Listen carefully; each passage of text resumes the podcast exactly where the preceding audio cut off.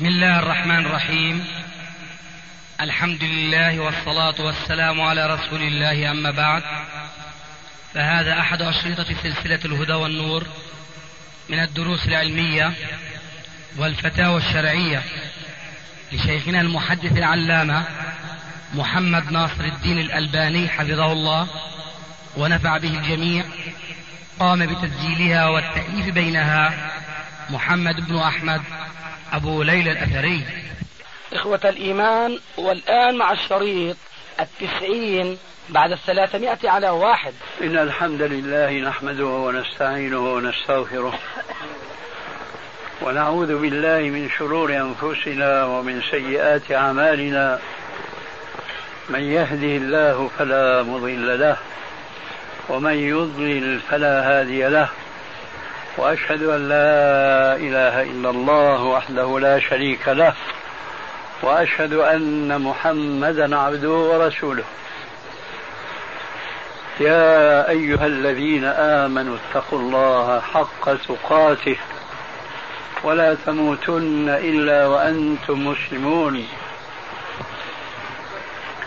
يا أيها الناس اتقوا ربكم الذي خلقكم من نفس واحدة وخلق منها زوجها وبث منهما رجالا كثيرا ونساء واتقوا الله الذي تساءلون به والأرحام إن الله كان عليكم رقيبا يا أيها الذين آمنوا اتقوا الله وقولوا قولا سديدا يصلح لكم أعمالكم ويغفر لكم ذنوبكم ومن يطع الله ورسوله فقد فاز فوزا عظيما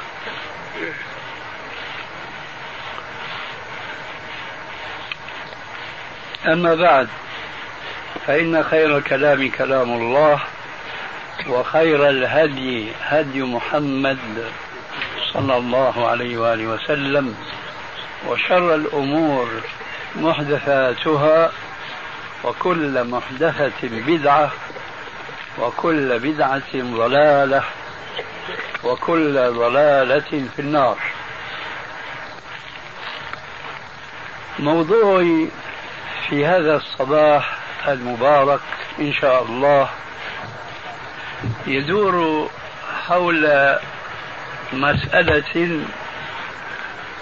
طالما اختلفت أنظار العلماء المتأخرين منهم بخاصة في جملة من خطة الحاجة التي سمعتموها آنفا وكان نبينا صلوات الله وسلامه عليه يفتتح بها خطبه كلها وبخاصة منها خطبة الجمعة.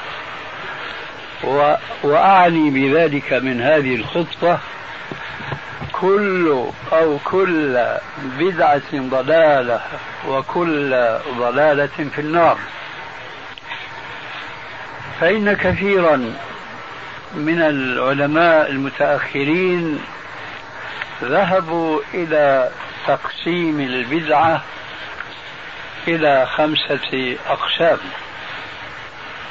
وهم بذلك يضطرون إلى أن يقولوا إن قوله صلى الله عليه وآله وسلم كل بدعة ضلالة. وكل ضلالة في النار من العام المخصوص.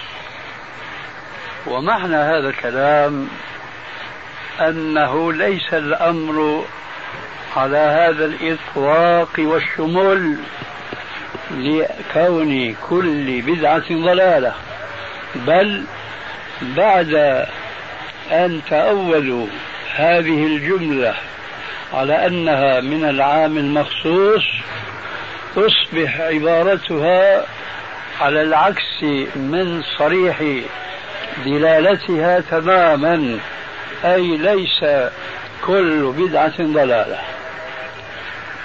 ومع ما في هذا التأويل من إخراج الكلام عن دلالته الظاهرة فينبغي علينا أن نعرف شبهة هؤلاء العلماء من المتأخرين الذين تأولوا قول النبي صلى الله عليه وآله وسلم كل بدعة ضلالة بما سمعتم. إن الكلام حول الشبهات التي يميل إليها ويجنح إليها أولئك الناس كثيرة لكني أريد أن أخصص هذه الجلسة بحديث صحيح يتكئون عليه فيما يذهبون إليه مما ذكرته آنفا. وخلاصة ذلك أن في الإسلام بدعة حسنة. ومن أقوى أدلتهم ورودا وليس دلالة إنما هو الحديث الصحيح المشهور من سن في الإسلام سنة حسنة فله أجرها وأجر من عمل بها إلى يوم القيامة دون أن ينقص من أجورهم شيء. ومن سن في الإسلام سنة سيئة فعليه وزرها ووزر من عمل بها إلى يوم القيامة دون أن ينقص من أوزارهم شيء. هذا الحديث هو كما قلت آنفا من أقوى أدلتهم من حيث الرواية. وحينما أقول من حيث الرواية فإنما أعني ما أقول وأقصد ما أقول ذلك لأن هذا الحديث حينما نتأمل في سبب وروده اولا وفي التحقيق في معناه ثانيا ينقلب الحديث حجة عليهم من حيث دلالته أول ذلك أن نتذكر سبب قول سبب قول النبي صلى الله عليه وآله وسلم أو أن نتذكر المناسبة التي فيها قال عليه الصلاة والسلام هذا الحديث الصحيح. والحديث أخرجه الإمام مسلم في صحيحه والإمام أحمد في مسنده وغيرهما من حديث جرير ابن عبد الله البجلي رضي الله تعالى عنه. قال كنا جلوسا مع النبي صلى الله عليه وآله وسلم. فجاءه أعراب مجتابي النمار متقلدي السيوف عامتهم من مضر بل كلهم من مضر.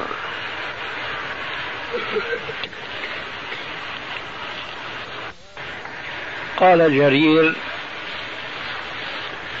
لما رآهم رسول الله صلى الله عليه وآله وسلم تمعر وجهه أي تغيرت معالم وجهه أسفا وحزنا على ما رأى عليهم من آثار الفقر.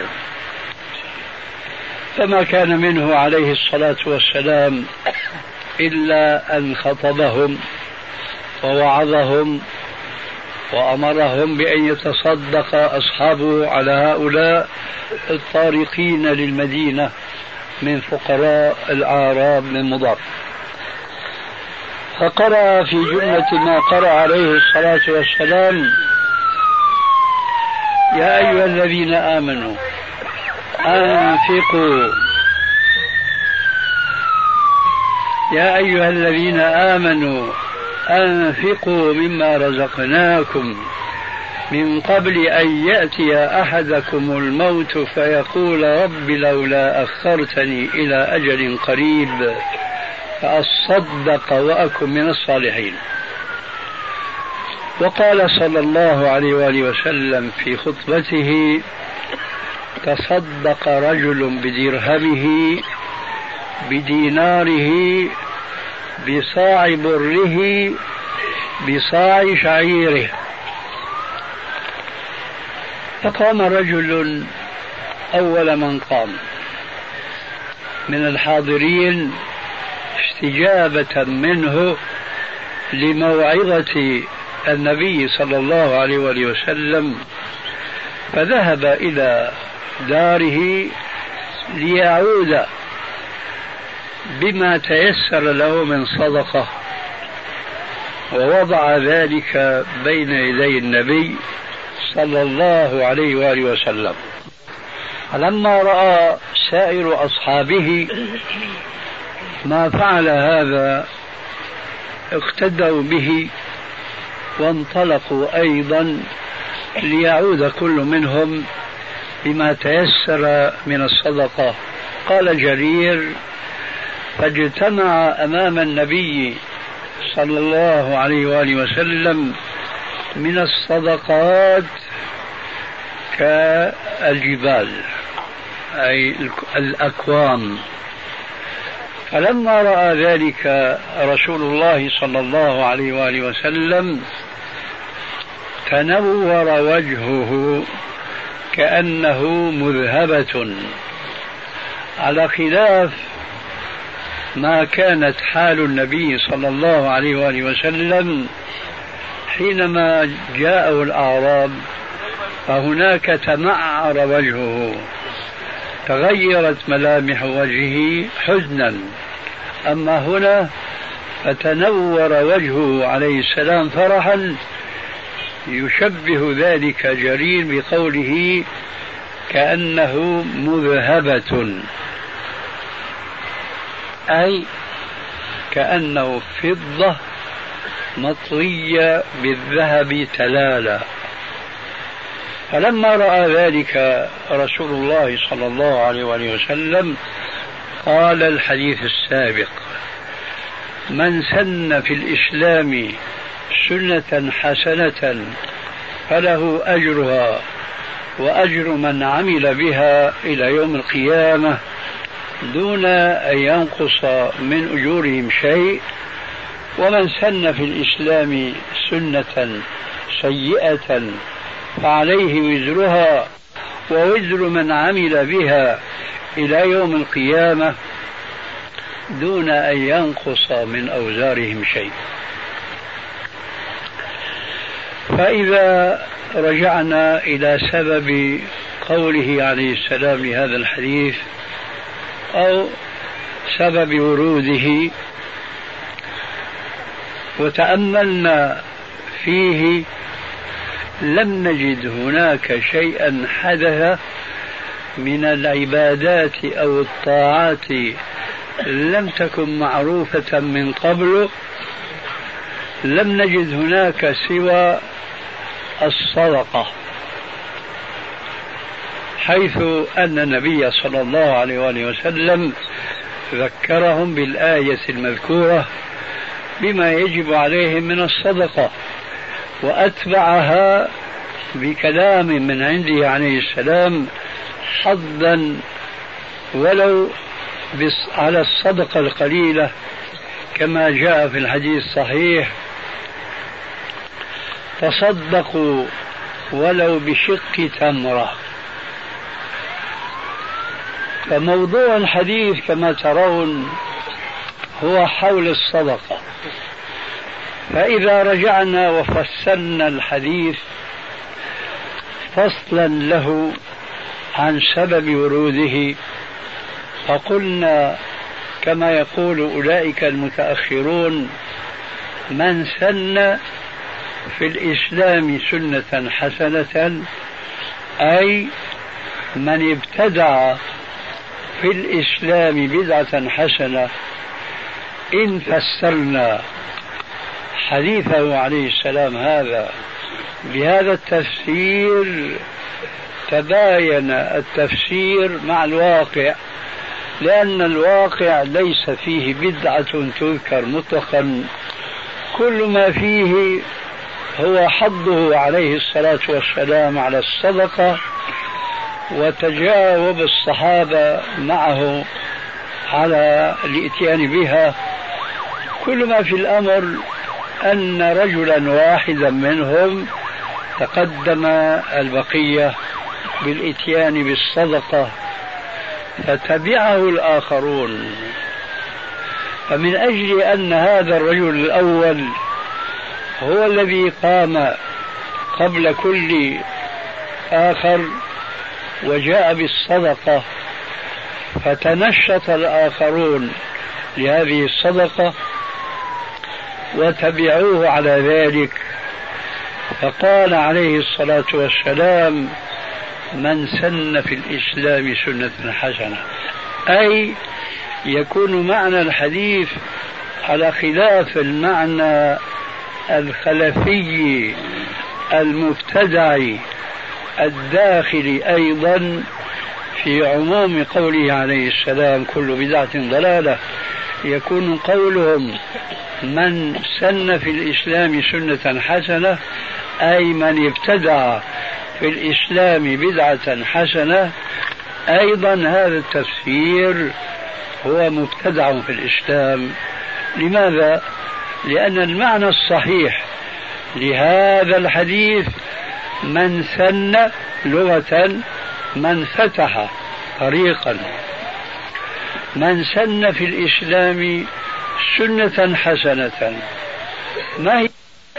وهل فتح الطريق إلى أمر مشروع بالكتاب وبالسنة أماته الناس مع الزمن أو مع الغفلة؟ فقام رجل فأحيا هذه السنة المنصوص عليها بالكتاب أو في الكتاب والسنة يقال فيه لقد ابتدع في الإسلام بدعة حسنة كلا ثم كلا إنما جاء بأمر مشروع مسبقا وإنما الشيء الجديد في الموضوع أنه أحيا هذه السنة. فإذا إذا رجعنا فقط إلى سبب الحديث عرفنا بطلان ذلك التأويل الذي كان من الأسباب القوية على تخصيص عموم قوله صلى الله عليه وآله وسلم كل بدعة ضلالة وكل ضلالة في النار. هذا هو السبب الأول الذي يدل دلالة واضحة على بطلان التأويل المذكور. السبب الثاني إذا وقفنا عند متن الحديث من سن في الإسلام سنة حسنة وتمام الحديث ومن سن في الإسلام سنة سيئة. فسنقول للمتأولين لهذا الحديث على غير تأويله الصحيح. ما هو طريق معرفة السنة الحسنة والسنة السيئة؟ العقل أم الشرع؟ إن كان من أهل السنة حقا فسيكون الجواب طريق معرفة الحسنة والسيئة إنما هو الشرع فقط ولا مجال للعقل في ذلك إطلاقا. خلافا للمعتزلة قديما وحديثا. المعتزلة قديما اسما ومسمى والمعتزلة حديثا مسمى لا اسما وهم كثيرون وينطوون تحت أسماء كثيرة وكثيرة جدا يوهمون الجماهير بها أنهم على السنة. إذا كان ما يقوله المعتزلة وهو مما انفصلوا فيه عن أهل الحديث وأهل السنة حقا ألا وهو قولهم بالتحسين والتقبيح العقليين.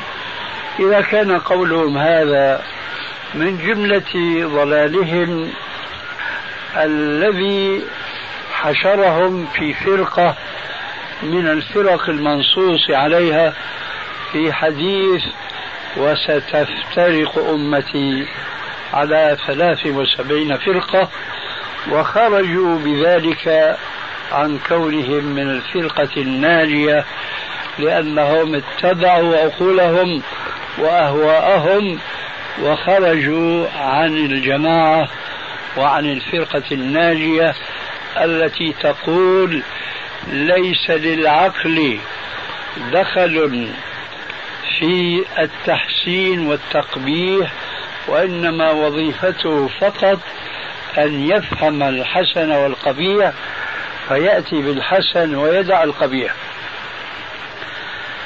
إن أهل الاعتزال انفصلوا على أهل السنة وأهل الحديث حتى من كان من أهل السنة في بعض المسائل قد انجرف مع الاعتزال في بعض مسائلهم أما في هذه المسألة فقد ظلوا مع الجماعة أن التحسين والتقبيح العقليين باطل وأن الحسن والسيء لا سبيل لمعرفته إلا بالشرع. إذا كان هذا أمرا متفقا عليه بين أهل السنة. وحينئذ نقول لهؤلاء الذين فسروا الحديث بالتفسير الخطأ من سن بمعنى من ابتدع في الإسلام بدعة حسنة. سنقول الآن ندع مناقشتكم في اللفظ في التعبير من ابتدع. لأنني قلت في بعض المحاضرات في مثل هذا البحث لو أن عربيا بل أعجميا مثلي استعرب وقال بمثل تلك المناسبة التي قال الرسول صلى الله عليه وسلم تلك الجملة لو قال أعجمي قد استعرب. من ابتدع في الإسلام بدعة حسنة لا شك أنه يقال في حقه لقد غلبت عليه العجمة لأنه ليس هناك بدعة ليسوغ له أن يقول من ابتدع في الإسلام بدعة حسنة. فكيف ينسب إلى النبي صلى الله عليه وآله وسلم وهو بحق أفصح من نطق بالضاد. كيف ينسب إليه أنه قال بمناسبة قيام ذلك الرجل الأول وإتيانه بالصدقة قال عليه السلام ما معناه عندهم من ابتدع في الإسلام بدعة حسنة فأين البدعة في هذه الحادثة؟ عار على الأعجمي المستعرب أن يقول مثل هذا المعنى بمثل هذه المناسبة فكيف ينسب هذا المعنى إلى أفصح من نطق بالضاد صلى الله عليه وآله وسلم؟ فنعود لنقول إذا كان الحسن والقبح لا يعرف إلا بطريق الشرع فحينئذ إذا سلموا معنا ولا شك أن الذين ينتمون إلى أهل السنة هم معنا في هذه الجزئية على الأقل وهي أن التحسين والتقبيح العقليين باطل وأن الحسن وأن التحسين والتقبيح إنما هو بالنقل عن الشرع.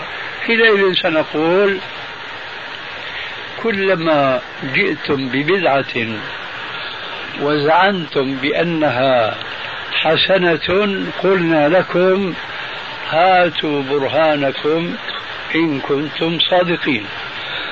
فإن نهض برهانهم على إثبات ما ادعوه من حسن تلك البدعة سلمنا لهم لا لأنها بدعة داخلة في عموم قوله عليه الصلاة والسلام كل بدعة ضلالة وكل ضلالة في النار وإنما لأنه قام الدليل الشرعي على أن ذلك الأمر الذي حسنوه هو أمر مشروع.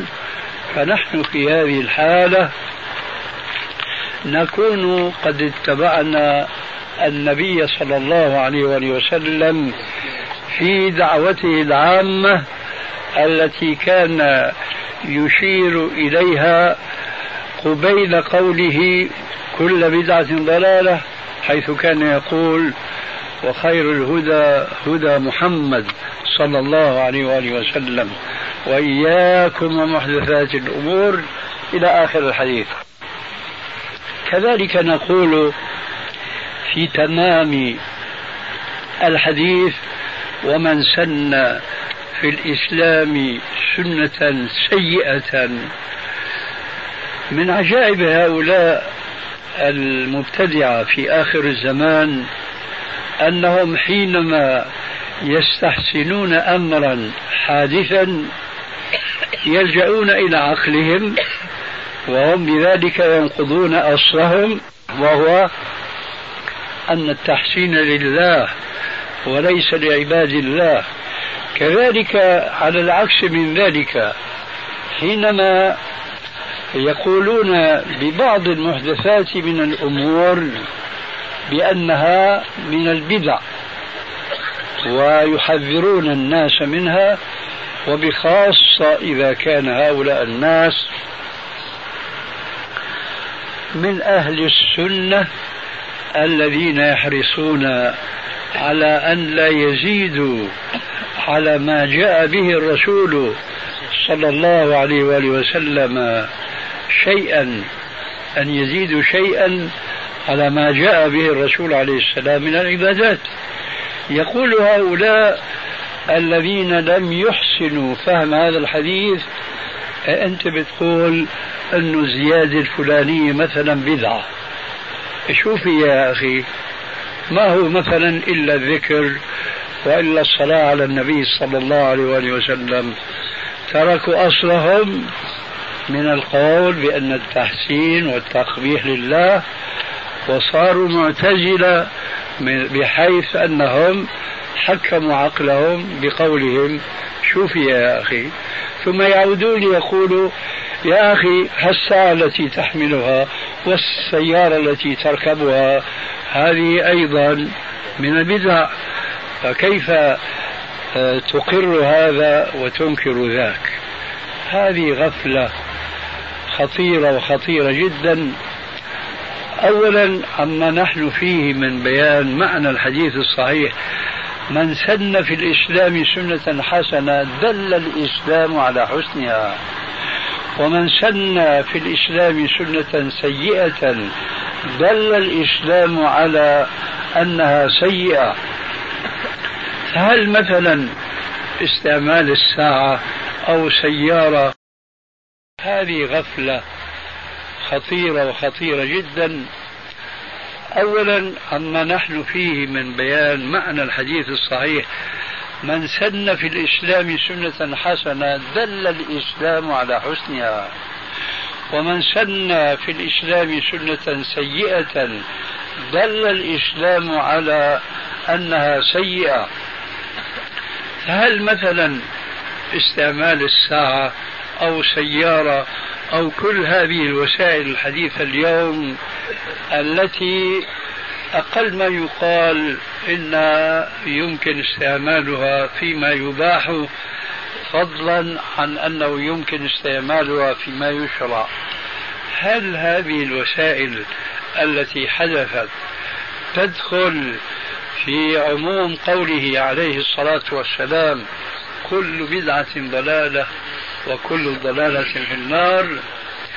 هذا في الواقع يتطلب منا وقفة قد تطول من أجل درء أو دفع هذه الشبهة وهي أن بعض المحدثات قد تكون من الواجبات على الرغم من كونها محدثات لم تكن من قبل ولكننا لا نقول مع حدوثها بأنها بدعة لأن البدعة مذمومة ذما عاما في الحديث ذك... الذي ذكرناه في مطلع هذه الكلمة وفي غيره من الأحاديث الصحيحة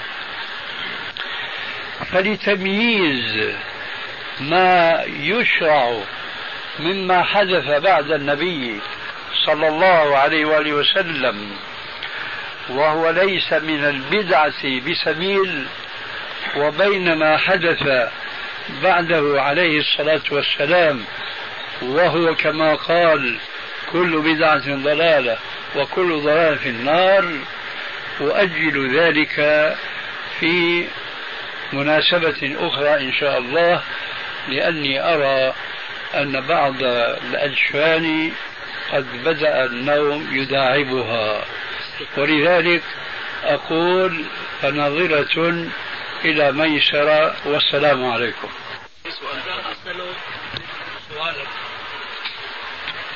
جئت من باكستان وأنا أسأل منكم سؤال. يعني ما الفرق بين الحكومة المرأة وبين حكومة العبد؟ بين حكومة المرأة وبين حكومة العبد. بعض العلماء يقولون آه يعني لا لا لا لا فرق بين الحكومة المرأة وبين بين الحكومة العبد حكومة ولا حقوق؟ نعم. حكومة حكومة. يعني أن تتولى المرأة؟ آه، أن تتولى المرأة. آه. أو أن أن يتولى العبد. يعني لا فرق لا فرق بينهم. ما رأيكم في هذه المسألة؟ آه. هذا سؤال شرعي سياسي. وهو من مواضيع الساعة فعلا وبخاصة في بعض البلاد الإسلامية التي تحكمها امرأة. قبل الجواب عن هذا السؤال نعم؟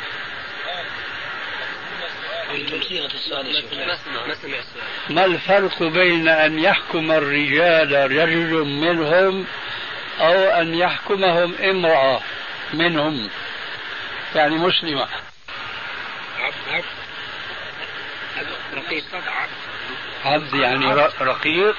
نعم رقيق. هذا ليس له علاقة اليوم. العلاقة والمشكلة امرأة ورجل. وين العبيد اليوم؟ العلماء بعض بعض العلماء يقولون قال رسول الله صلى الله عليه وسلم إن أمر عليكم أمر عليكم عبد حبشي آه يعني يقودكم إلى كتاب الله وسنة رسوله فاتبعوه. هذه المسألة يا أستاذ. يعني فهمت الآن سؤالك آه، نعم. ولكن ما علاقة هذا السؤال بأوضاعنا الحاضرة؟ يعني هل هناك أحرار وعبيد؟ نعم. يقولون يعني إذا سلطت عليكم المرأة الخم... يعني مرأة يعني لا لا بأس. وكذلك العبد يعني إذا يعني آه طيب. نعم. صريح الآن نعم. إذا آه، بعد أن وضح أخانا هذا آه، سؤاله فسأجيب عنه بعد أن نهدم الأصل الذي أقاموه عليه. إن حكم المرأة في الإسلام مردود بأمرين اثنين. الأول يرد بعمل المسلمين طيلة هذه القرون الطويلة التي كان على المسلمين حكام كثيرون منهم من يطبق الإسلام تماما كالخلفاء الراشدين ومنهم من يكون قريبا من ذلك وهكذا درجات.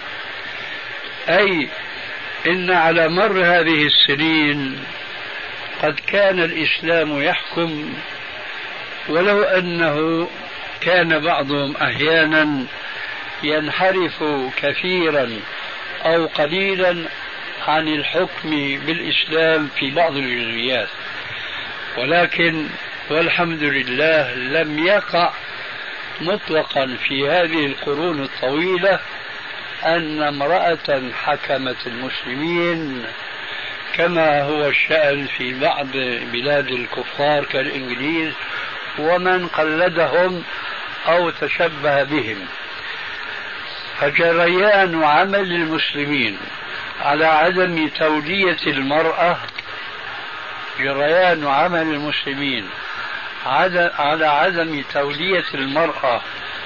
الخلافة وما كان قريبا منها هو الدليل القاطع لمن كان يؤمن بمثل قوله تبارك وتعالى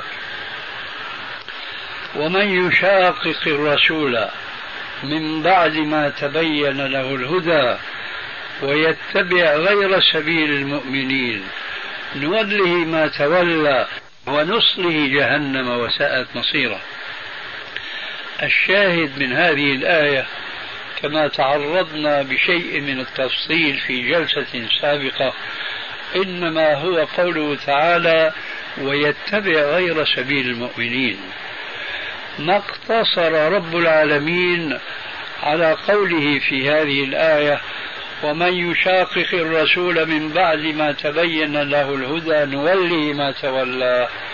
وانما عطف على مشاققه الرسول ويتبع غير سبيل المؤمنين. فما الحكمه من هذه الجمله المعطوفه؟ على ومن يشاقق الرسول ويتبع غير سبيل المؤمنين. الحكمة أن المؤمنين هم الذين ينقلون المنهج الذي سار عليه المسلمون الأولون. من أجل ذلك جاءت الأحاديث تترى تأمرنا باتباع السلف الأول ومن أجل ذلك كما قلنا في محاضرة سبقت نحن ننتمي إلى السلف الصالح وأحدنا يقول عن نفسه إنه سلفي ويرجو أن يكون كذلك لأن قولنا سلفي كقولنا مؤمن. لكن هناك فرق كبير بين من يقول مؤمن فهذه الكلمة في العصر الحاضر تشمل الثلاث وسبعين فرقة تشمل حتى القاديانية. الذين خربوا عقيدة كثير من المسلمين وبخاصة هناك بالهند وفي باكستان حيث أنهم ادعوا أن النبوة لم تنتهي بعد وأنه أتى نبي عندهم زعم وأنه سيأتي من بعد أنبياء آخرون وكلام صحيح بضميمة أنبياء كذبة. لأن النبي صلى الله عليه وسلم قال ألا إن الرسالة والنبوة قد انقطعت فلا رسول ولا نبي بعدي. الشاهد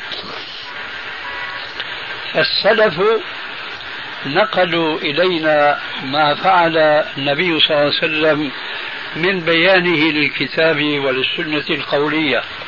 فتلقى الخلف ذلك عن السلف فصار طريقا للمسلمين. فحينما لم نجد في كل هذه القرون وبخاصة منها الثلاثة المشهود لها بالخيرية امرأة تولت حكما فذلك دليل على أن سبيل المؤمنين ألا يتولاهم امرأة. هذا هو الدليل الأول وهو دليل قوي جدا جدا لمن يفقه ويعي هذه الآية ودلالتها ويتبع غير سبيل المؤمنين لقد وصل بعض اهتمام بعض العلماء إلى تقديم السنة العملية التي جرى عليها المسلمون على أقواله عليه الصلاة والسلام ذلك لأن القول قد يحتمل أكثر من وجه من التفسير. أما الناحية العملية فلا يمكن أن يحمل إلا على وجه واحد. خذ مثلا قوله تعالى والسارق والسارقة فاقطعوا أيديهما. فلو أن رجلا جاء إلى هذا النص القرآني الذي لا يأتيه الباطل من بين يديه ولا من خلفه فأتى برأي جديد. فاقطعوا أيديهما. لا سمح الله من المنكب. بماذا نحاججه هذه يد. أو قال من عند المرفق أيضا هذه يد. الجواب السنة العملية التي جرى عليها الرسول عليه السلام واتبعه على ذلك أصحابه. هذه هي الحجة القاطعة في تحديد المراد من أقوال النبي صلى الله عليه وآله وسلم. وهذه قاعدة هامة جدا وأرجو أن تكون منكم على بال وعلى ذكر. هذا هو الدليل الأول. الدليل الثاني أن الله عز وجل قد قدر بحكمته البالغة أن نصب العجم أهل فارس بعد وفاة ملكهم امرأة فلما أخبر النبي صلى الله عليه وآله وسلم عن ذلك قال ما أفلح قوم ولوا أمرهم امرأة. ما أفلح قوم ولوا أمرهم امرأة.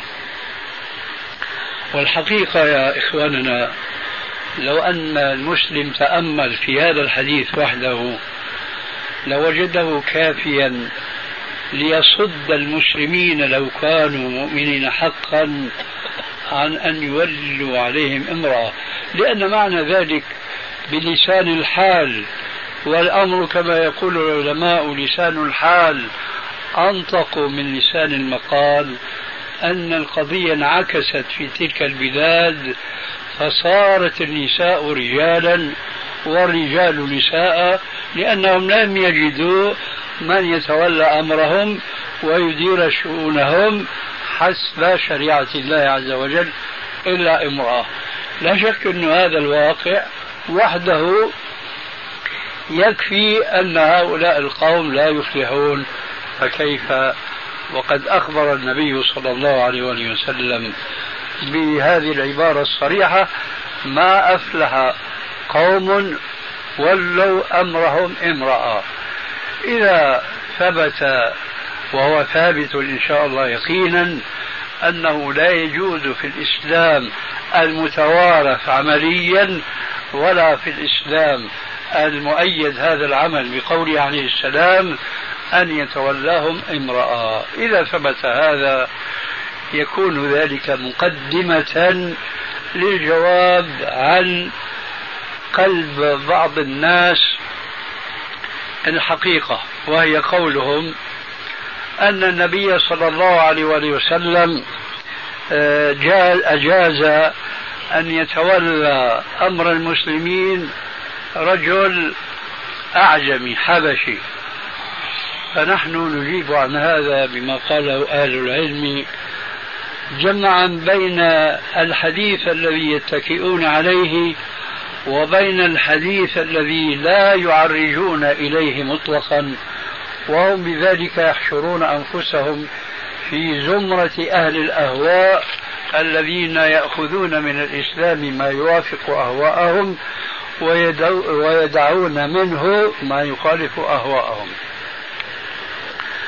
نحن نقول لقد قال عليه الصلاة والسلام كما تواتر ذلك بشهادة أمير المؤمنين أحمد بن حجر العسقلاني. قال إن قوله صلى الله عليه وآله وسلم الأئمة من قريش. هذا حديث صحيح وليس فقط صحيحا بل وهو متواتر أيضا بشهادة أمير المؤمنين في زمنه وبعد زمنه أيضا فيما نعلم. إذا رسولنا صلى الله عليه وآله وسلم يضع في هذا الحديث شرطا في الحاكم الذي يريد أن يحكم المسلمين وهو أن يكون قرشيا. وأنا أعلم أن بعض ذوي الأهواء قديما وحديثا يتأولون هذا الحديث بما ذكره أحد مؤرخيهم قديما أن ذلك كان لأن قريشا كانت لهم صولة وكانت لهم قوة ومكانة ومنزلة في العرب حيث كانوا يخضعون لهم وراثة وإجلالا وتقديرا لهم. وعلى هذا جاء قوله عليه السلام الأئمة من قريش أما بعد أن تفككت هذه الرابطة القبلية العربية بين قبيلة قريش وسائر القبائل لم يبقى هناك مجال للاستمرار بتحكيم هذا الحديث لأنه قيل في زعمهم للسبب المذكور آنفا. وردنا تبعا لعلمائنا على هذا التأويل الذي هو أشبه بالتعطيل في موضوع آيات الصفات وأحاديث الصفات ردنا على هذا التأويل بقوله صلى الله عليه وآله وسلم لا يزال هذا الأمر بين في قريش لا يزال هذا الأمر في قريش ما بقي منهم اثنان. لا يزال هذا الأمر في قريش ما بقي منهم اثنان. إذا تأويلهم الحديث الأول لأنها كانت على حد تعبيرهم في العصر الحاضر شريعة زمنية يبطل هذا التأويل هذا الحديث الصحيح. إذا عرفنا هذه الحقيقة ومجال الكلام في هذه المسألة واسع أيضا نظرا لظروفنا الحاضرة لكن لابد من ربط أيضا هذه المقدمة بالإجابة عن الشبهة التي ذكرها الأخ الفاضل آنفا. لقد جاء في السنن ومسند أحمد ومن طرق يقوي بعضها بعضا عن العرباض بن سارية رضي الله تعالى عنه عن النبي صلى الله عليه وآله وسلم أنه خطبهم يوما. فقالوا يا رسول الله إنا نراك. قالوا يا رسول الله أوصنا وصية لا نحتاج إلى أحد بعدها أبدا. قال عليه السلام أوصيكم بتقوى الله والسمع والطاعة وإن ولي عليكم عبد حبشي. وإن ولي عليكم عبد حبشي. وإنه من يعش منكم فسيرى اختلافا كثيرا. عليكم بسنتي وسنة الخلفاء الراشدين المهديين من بعدي. عضوا عليها بالنواجذ وإياكم ومحدثات الأمور فإن كل محدثة بدعة وكل بدعة ضلالة. وزاد في رواية وهي صحيحة في غير هذا الحديث وكل ضلالة في النار. إذا قوله عليه السلام وإن ولي عليكم عبد حبشي وله شواهد بعضها في صحيح مسلم. لا يعني وإن ولي عليكم من ناس لا يحكمون شريعة الله وإنما ولي عليكم من حاكم يحكم بما أنزل الله لأن هذا الحاكم قد عرفنا مما سبق أنه يشترط فيه أن يكون عربيا قرشيا. فهذا إذا ولى عبدا حبشيا على ولاية ما وجب إطاعته لا لأنه عبد حبشي وإنما لأنه ولاه مسلم قرشي. له حق الولاية. وعلى هذا أيضا جرى عمل المسلمين. وهنا نحن أمام قضيتين اثنتين. لا تنافر ولا تعارض بينهما. القضية الأولى الولاية الكبرى. جرى المسلمون على أنه يشترط فيها أن يكون عربيا قرشيا الولاية الصغرى لا يشترط فيها أن يكون قرشيا على هذا أيضا جرى عمل المسلمين. وإذا عرفنا هذه الحقيقة تم الاستدلال الصحيح على رد دعوى من يتخذ حديث وإن كان عبدا حبشيا دليلا على أن على أنه يجوز تولية المرأة تولية المرأة لأننا سنقول إن كان عبدا حبشيا فهو أولى بالولاية التي تليق به على التفصيل السابق. آنفا ذكره. أولى من المرأة القرشية لأن المرأة القرشية ليس لها ولاية بحكم ما سبق آنفا. وبذلك ينتهي ما عندي من الجواب عن ذاك السؤال. قررت السنة قررت السنة أن من رمى حل له كل شيء إلا النساء حتى يطوف طواف الإفاضة. من بدأ أعمال هذا اليوم بطواف الإفاضة. هل يحل له كل شيء ولا لا بد أن يجتمع الرمي؟ لا يحل له أي شيء. أي شيء. نعم. حتى يرمي حتى جمرة يرمي. العقبة. إذا لا بد من اجتماع هذين. أي نعم. طيب البعض لابد من اجتماع الأمرين ليحل الحل الأكبر. نعم. فإذا بدأ برمي الجمرة حل له الحل الأصغر. نعم. فإذا طاف حل له الحل الأكبر. حديث لا يصلين أحدكم العصر إلا في بني قريظة. الكلام فيه كثير يعني يستدل به بعض المبتدعة لما يريدون ويستدل به بعض. فنريد الفهم الصحيح. هنا سؤال يقول وهو أيضا من مشاكل الساعة ومن بعض الجماعات. هذه الجماعة أو تلك ممن يريدون تسليك الواقع السيء الذي عليه المسلمون مع الأسف الشديد. ولا يريدون في الأرض إصلاحا وإنما يريدون أن يدعوا القديم على قدمه.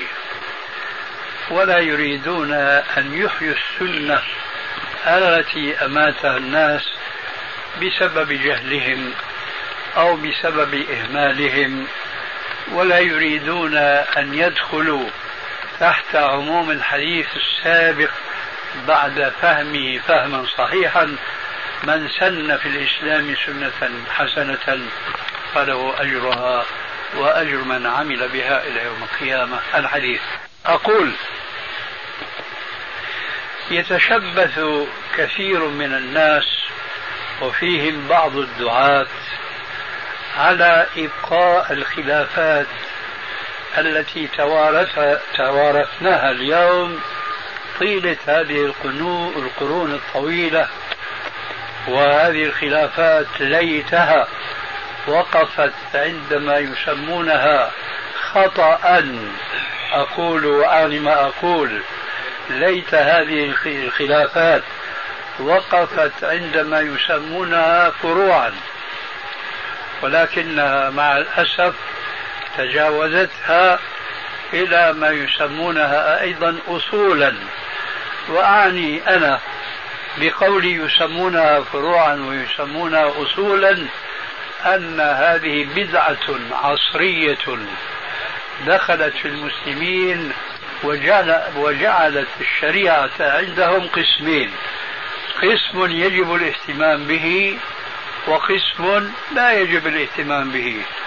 من فعل ذلك فقد أحسن ومن لا فلا حرج. ومن آفة أو ومن شؤم إن صح هذا التعبير التقسيم المذكور أن هؤلاء الذين ذهبوا إليه سوف لا يفعلون لا بما سموه بالأصول ولا بالفروع وإنما يعود دينهم هوى. ذلك لأن تقسيم الإسلام إلى أصول وفروع أولا يحتاج إلى علم واسع بالكتاب والسنة. وهذا كما ترون مع الأسف الشديد أهله في هذا العصر قليل وقليل جدا لأن أكثر من يظن أنهم من أهل العلم إنما هم أهل علم بالمذهب أو بالمذاهب. أما القرآن والسنة والسنة الصحيحة بخاصة فقليل جدا من علماء العصر الحاضر من يتصفون بهذا العلم الصحيح؟ أقول لتقسيم أو لتحقيق الإسلام وجعله قسمين أصولا وفروعا يحتاج إلى هذا العلم الواسع بالكتاب والسنة. وثانيا هل يمكن للمسلمين لو اجتمعوا على صعيد واحد وفي مكان واحد. كل أهل العلم وأهل العلم بحق. لو اجتمعوا على صعيد واحد هل يمكنهم أن يجعلوا الإسلام قسمين أصولا يتفقون عليها وفروعا يتفقون عليها أم سيبقى هناك بعض المسائل ممكن بعضهم يدخلها في القسم الأول وبعضهم يدخلها في القسم الآخر. فحينئذ ما حال عامة المسلمين؟ إذا كان أهل العلم يختلفون وهو كما ترون حتى الآن صدق الله العظيم ولا يزالون مختلفين ولا يزالون مختلفين إلا من رحم ربك. ولذلك خلقهم. فإذا الخلاف من طبيعة البشر. فلو اجتمعوا في صعيد واحد وأرادوا أن يبينوا للناس ما يجوز أن يكون من القسم الأول وما يجوز أن يكون من القسم الآخر لما تمكنوا من الاتفاق على ذلك بل سيظلون مختلفين. لذلك اعتقادي الجازم أنه لا يجوز التفريق بين شرع وشرع فيقال هذا أصل لا يجوز التهاون به وهذا فرع يجوز التهاون به. نعم إذا كان المقصود بالفرع والأصل هو ما يقابل الفرد ويقابل السنة هذا لا شك أمر ممكن لكن ليس هذا هو المقصود. المقصود هو ما يتعلق بالعقيدة. إخوة الإيمان تتمة الكلام في الشريط التالي. المقصود هو ما يتعلق بالعقيدة وما يتعلق بالعبادة. وما كان متعلقا بالعقيدة فهو الأصل وهو الذي يجب الاعتماد والتمسك به وعدم الإخلال بشيء منه. وما يتعلق بالعبادات فالخط سهل وبخاصة أنهم جاءوا بمعول من قلد عالما لقي الله سالما. وهذا لشهرة هذه الجملة يتوهم كثير من الناس أنها حديث عن الرسول عليه السلام ولا أصل له حتى في الأحاديث الموضوعة. لا أصل لهذه الجملة.